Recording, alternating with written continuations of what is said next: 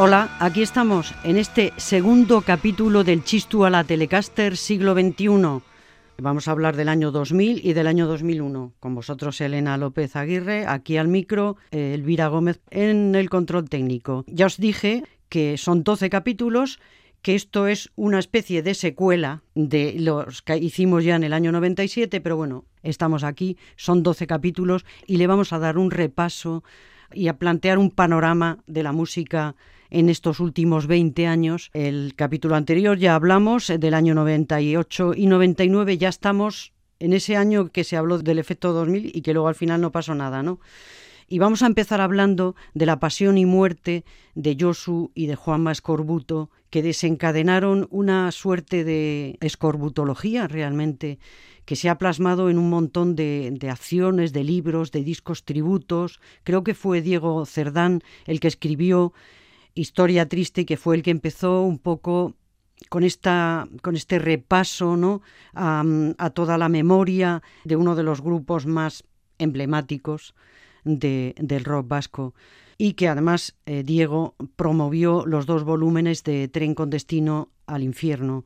También Roberto Ortega escribió tres novelas, una de ellas gráficas, y Beñat Arguinsonis también eh, noveló Los últimos días ese libro también lo he leído, de Josu Espósito, y Beñat declaró en una entrevista, Escorbuto es un grupo que se escucha en todo el mundo. No han necesitado de ningún tipo de apoyo de la crítica de los medios ni de las instituciones, se han impuesto por pura justicia poética. A medida que pasan los años va creciendo su importancia. Cuando nadie se acuerde de todas esas cancioncillas que hoy suenan en la radio, Escorbuto seguirá ahí. También os recuerdo que hay una placa en el barrio de Mamariga, en donde vivía Josu, Escorbuto, que, está realizada por Juanjo Iquizábal, eh, un escultor vitoriano, y que la realizó en el año 2008 y que fue promovida por Javi Arroyo de su versión X a los que escucharemos aquí y que es un auténtico discípulo de Josu y también por el colectivo Los Demenciales Chicos Acelerados. Pues bien, del disco de mm, este tributo del tren al que va al infierno vamos a escuchar a los guipuzcoanos un grupo que quedó por ahí un poco y por eso he querido utilizarlos porque otros que participan en el tributo son más conocidos, pero los guipuzcoanos Teen Dogs no, y vamos a escucharlos a ellos.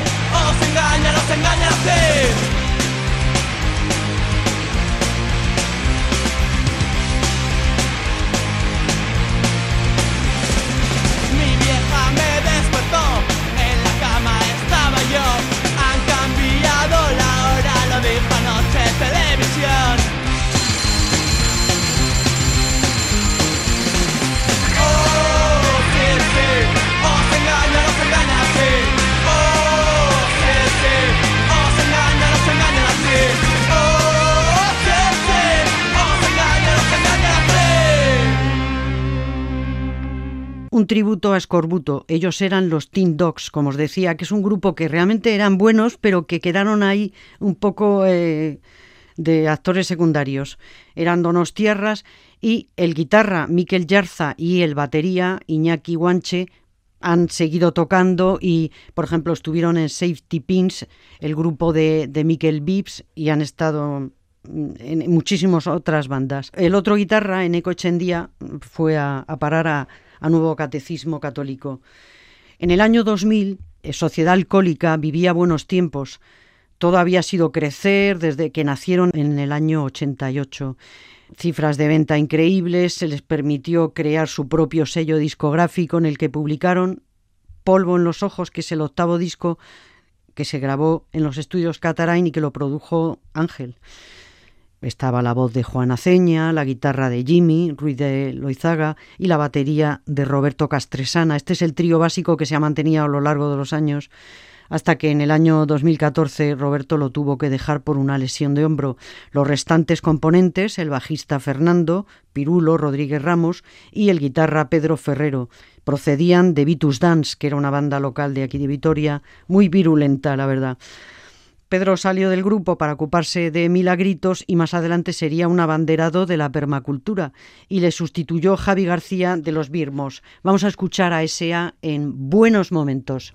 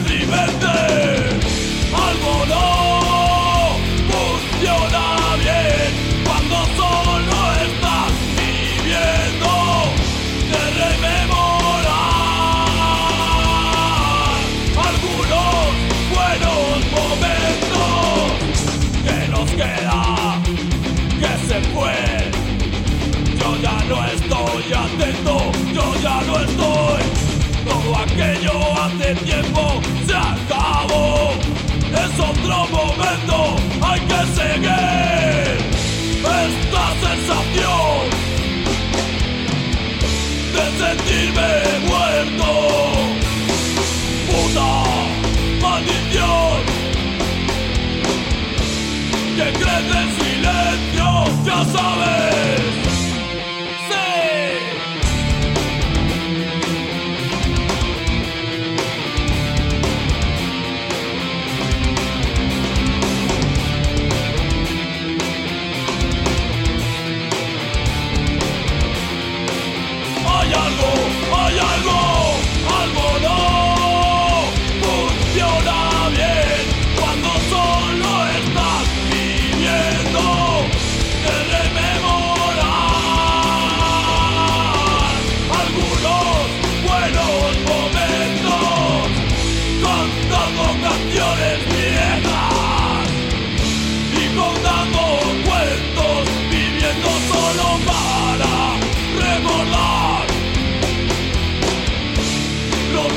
momentos, ya sabes.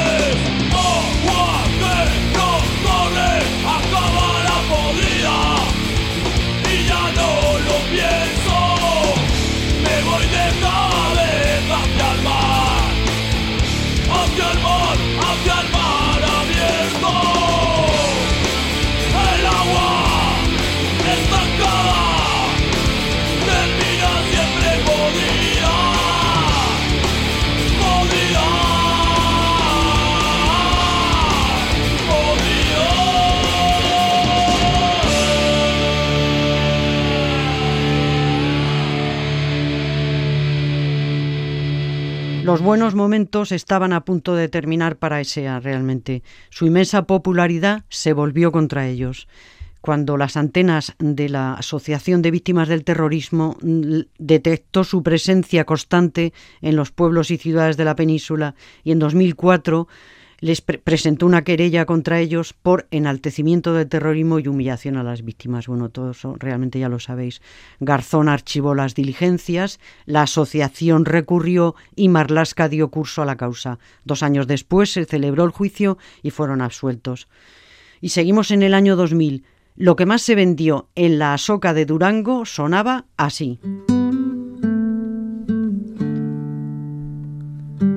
Zapata gorriak Oin txiki eta bilduetan.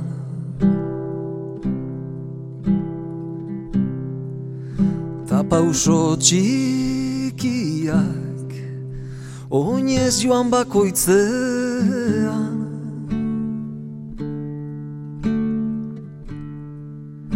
Urdurian Noiz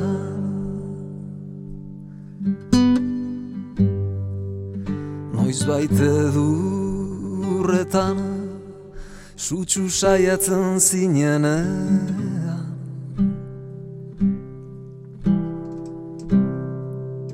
Estilo politaz Zurea baino asko sobea.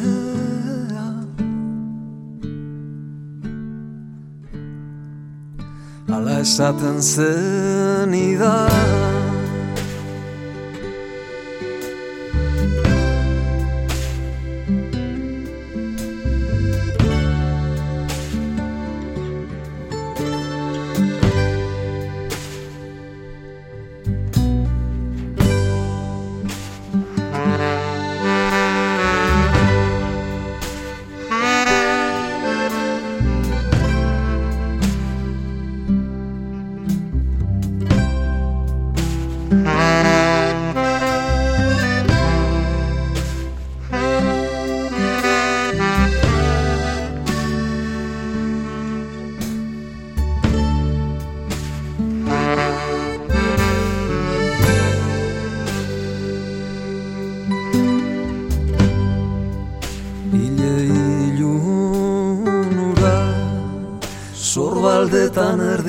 останется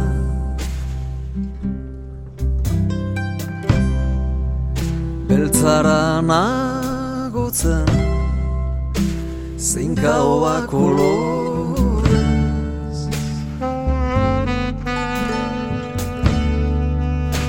Arrota kapritxosak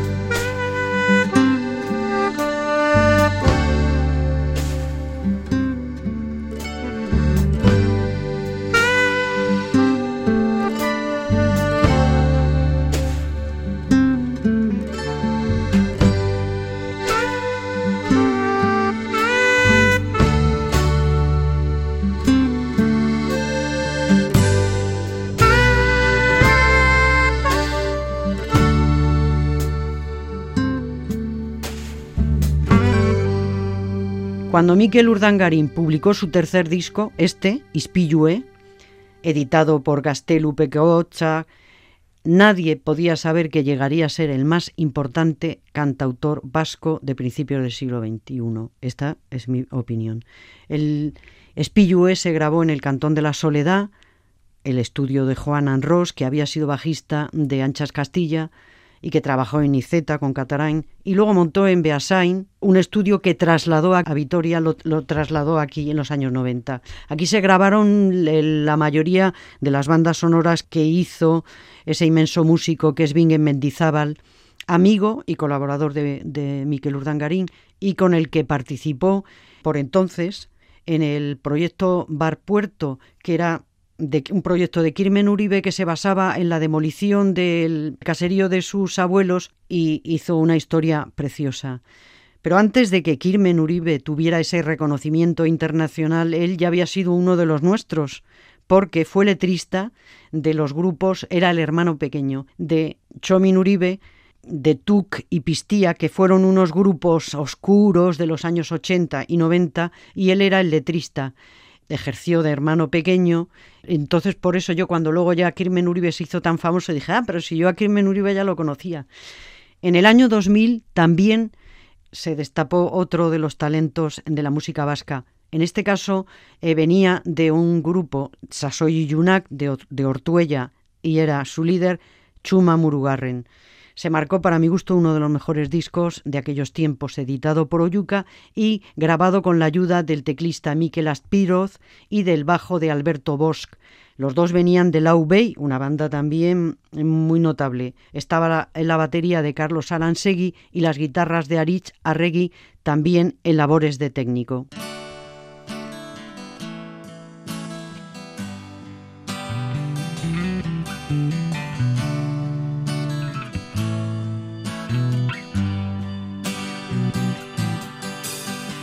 Negarra da torkit begiletara Eta uolde baten modura gertzen zait kalestu ez gogoratzen naiz Ez dut ikusten eiken nahi naizena Ez dakit zertan nabilen Ez dakit, ez dakit, ez dakit, ez dakit Zeari naizen. Ez dakit, dakit, ez dakit Lehiuak itxita daude Eta lorontzietan sa zizikinak Azirira zaldi erotua da nere bizotza. Izuturik ez betiri joana Noradoan ez dakiela. Atzean usten dunan faltan da hola eta ez daki Zertan da bilen Ez daki, ez daki, ez daki, ez daki Zeari den. Ez daki, ez daki, ez daki Eta lasaitu nahiean Siberiako lauta da izoztu ez akordatzen naiz Eta Mongoliako laku isilez ebai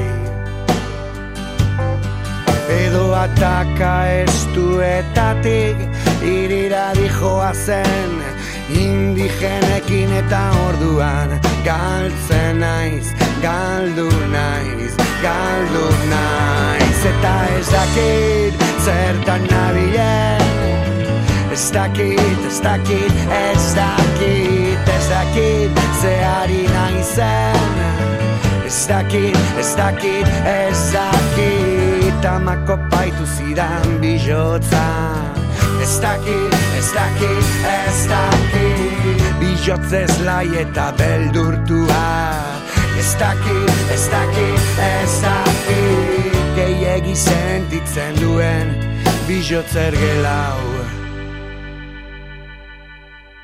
Chuma Murugarren entrando por la puerta grande en la música vasca con este disco y con esta canción, esta kit, que es un cantautor, pero a mí me suena a rock y él, de hecho, venía del mundo del rock. Es un músico y tiene una voz inconfundible, Chuma Murugarren. En Vitoria, por entonces, también en el año 2000, y con uno de los eh, más explosivos directos, de lo cual doy fe, me acuerdo la última vez que los vi en el Dorado, en, no, perdón, en Jimmy Jazz, los Betagarri, cuando no había un festival sin ellos, ¿no? Porque gracias a la entrega sudorosa de su cantante, de Iñaki Ortiz de Villalba, estaban el sonido generoso de los vientos con Unai, Lobo, a la trompeta, David, Gaviña, al saxo, Miquel, Sanz, al trombón y el ritmo, la, la sección rítmica de Iker Uriarte y el bajo de Pablo Rodríguez, y estaban las guitarras, por supuesto, de Aitor Ruiz de Arbulo y de Gonzalo Zaldívar.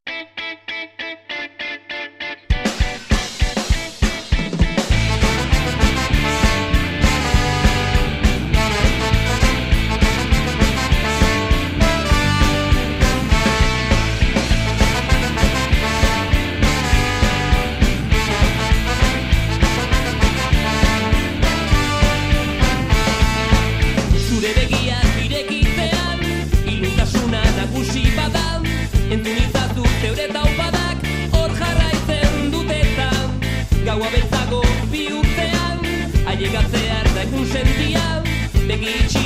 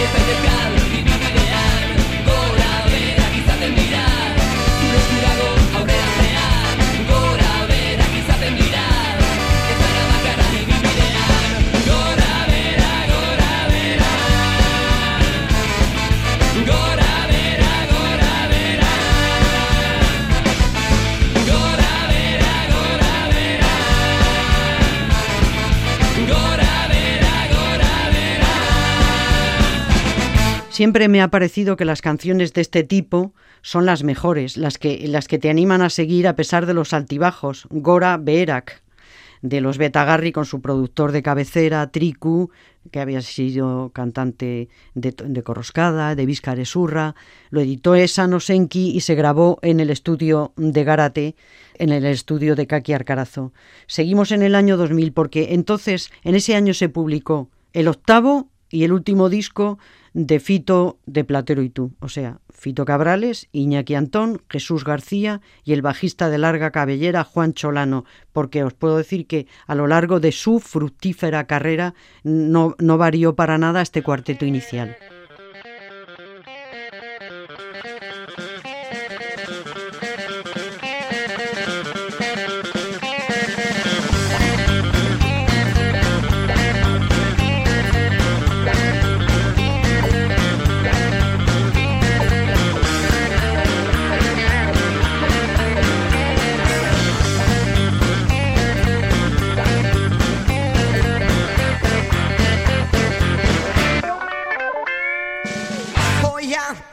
Camino y en lo que dura un cigarrito.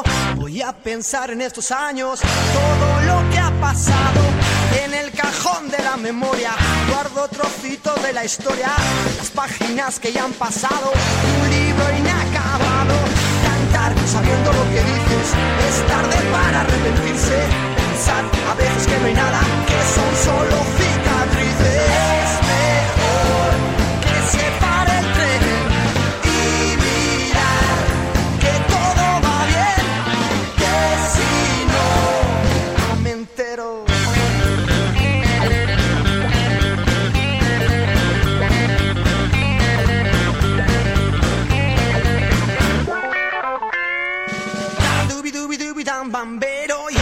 saca mago del sombrero. Tú y yo somos dos, ya sabes que te quiero, pero dos y dos son cuatro y cuatro los plateros. Cantar sabiendo lo que dices, es tarde para arrepentirse. Pensar a veces que no hay nada, que son solo cicatrices. Y lo que otros piensen, quizá no me interese. Hoy quiero ver tus ojos para tocar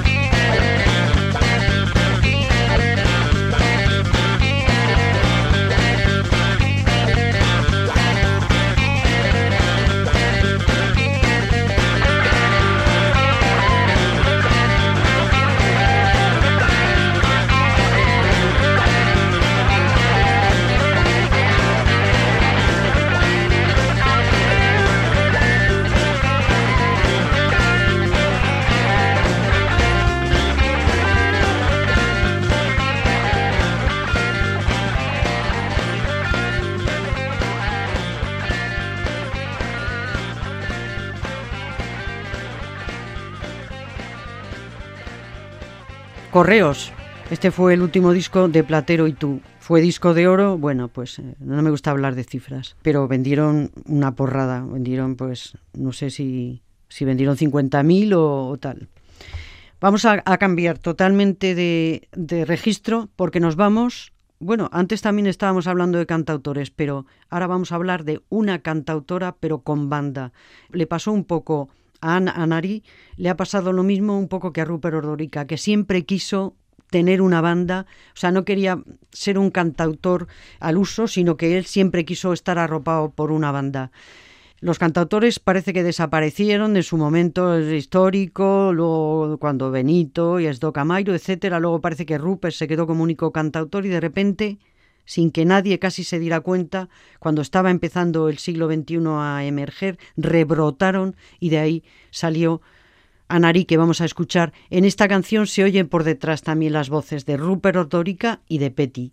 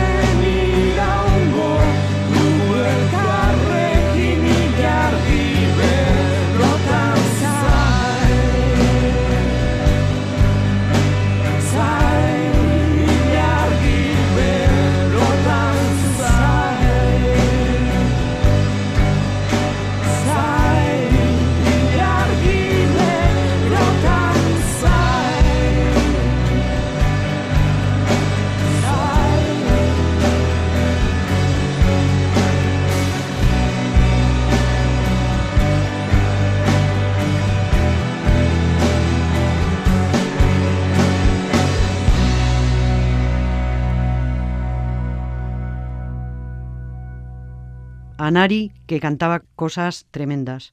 Creo que es una de las creadoras de los últimos años más notables que tiene la música vasca.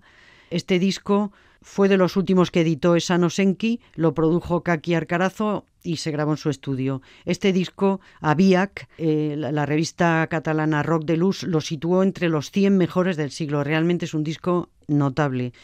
En la sección rítmica, y es notable también por Anarí, por supuesto, pero por el acompañamiento de la sección rítmica, el bajista Drake y Miquel Abrego venían de BAP, de los ochenteros, el hardcore guipuzcoano de BAP, que fue uno de los grupos más importantes de ese estilo en aquellos años.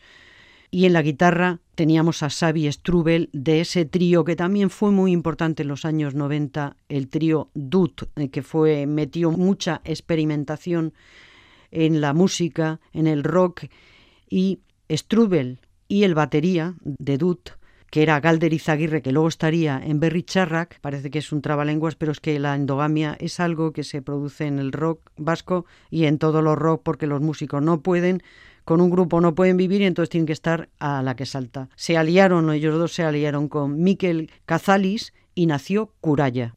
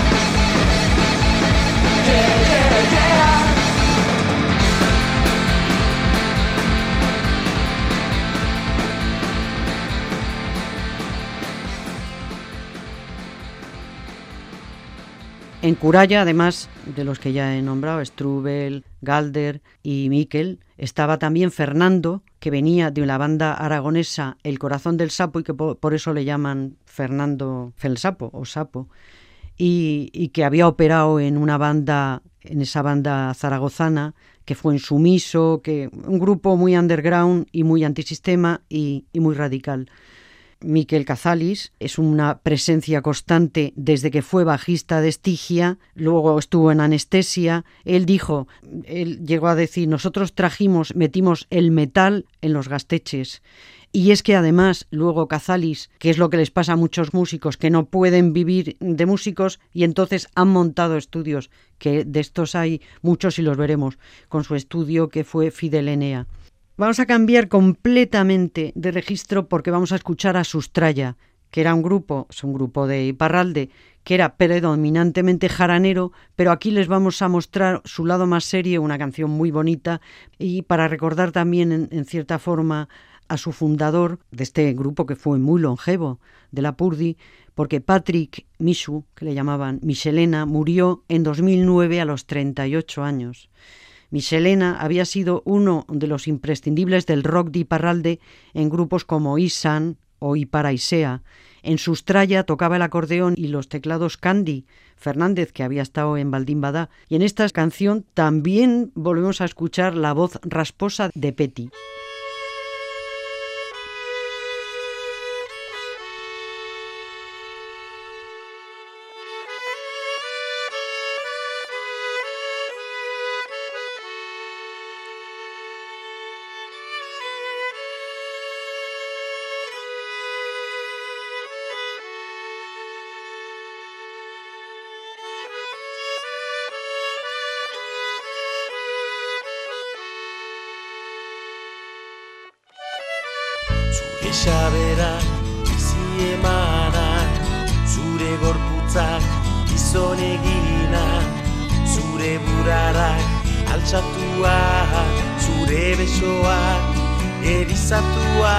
Eta zure amodioak maitatua Zurea olkuak tiratua Zure eskasak olpatua Eta nere zainetan oraino zure odora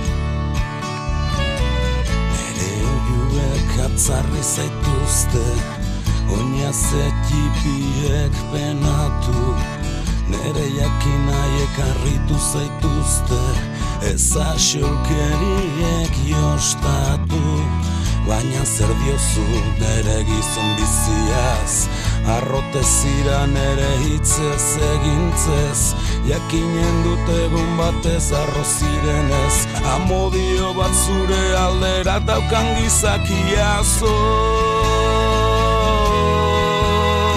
Amatio. Oin fite zendako Oin uvijek sam nako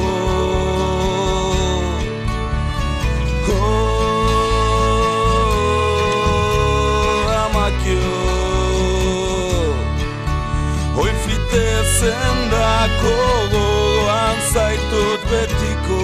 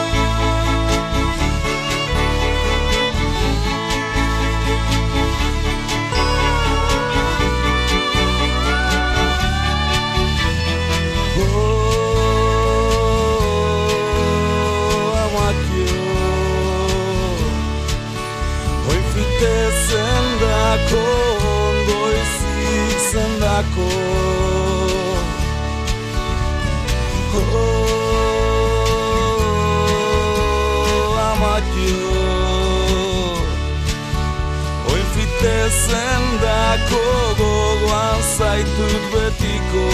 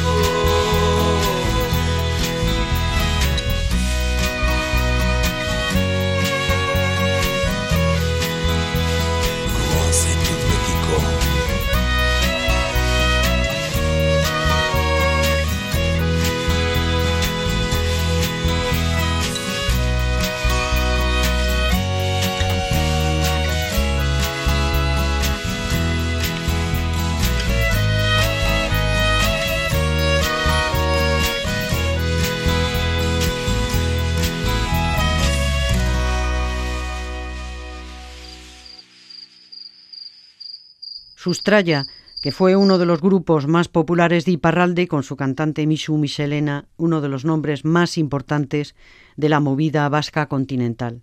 Y por entonces, por el año 2000 o 2001, Elcar publicó la integral discográfica de Erchaina. Para hablar de ellos hay que nombrar, por supuesto, al artífice de la banda, el bajista Josu Zabala, y también a Iñaki Agari, que destaparía su talento ya en solitario. Pero en los comienzos de Erchaña brillaba además el saxo caliente de Tito Aldama, nacido en 1944, o sea que en 1984, cuando se publicó el primer disco de Erchaña, él ya tenía 40 tacos y el culo pelao de tocar el saxo y la gaita por esos carros de bueyes de Dios, aunque la mayoría de nosotros no lo supiéramos. Y a finales de los años 50, por ejemplo, y es que tengo fotos, tocaba en formato saxo, acordeón y jazzbana, que era como se conocía entonces a la batería, porque es que había unas baterías que yo creo que es que se llamaban de, de marca jazzban y entonces en vez de batería decían jazzbana. Y entonces por esos pueblos con su pajarita ahí y también tocaba en orquestas y en de salas de fiestas con la pajarita y el smoking, el Tito Aldama, ¿no? que también incluso luego fue payaso con Chema Blasco. Tito murió en 2012 a los 68 años.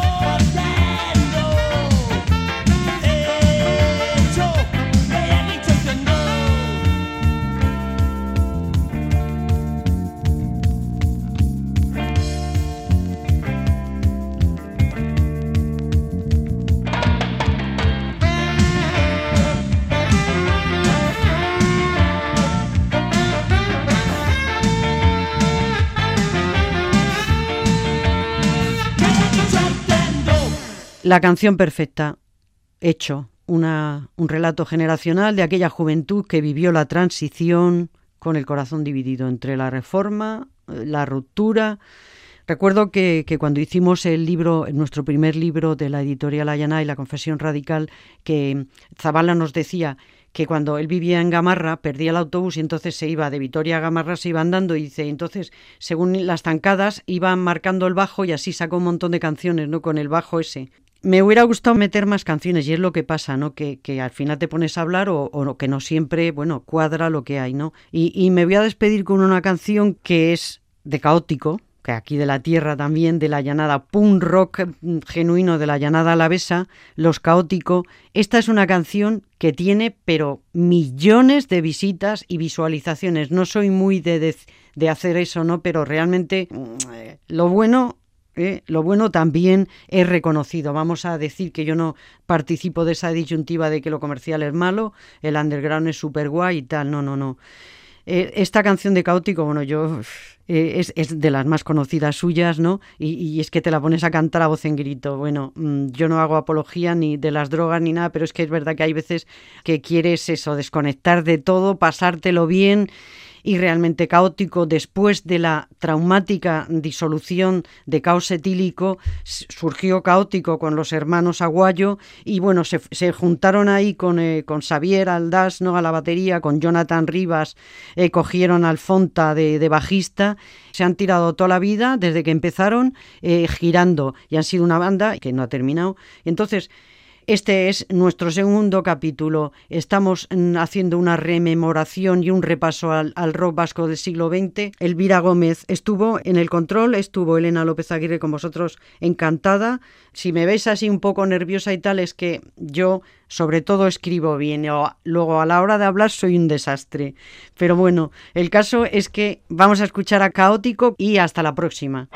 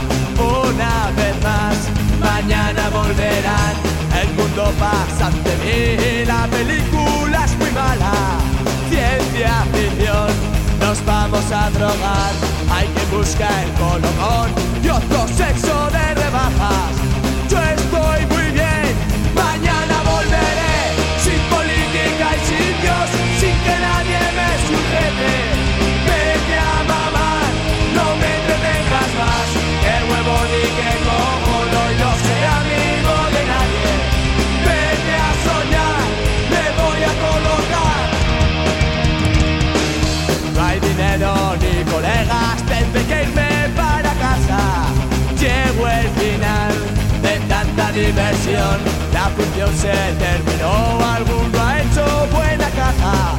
A lo mejor me voy a casa o no, sin política y sin Dios, sin que nadie me sujete.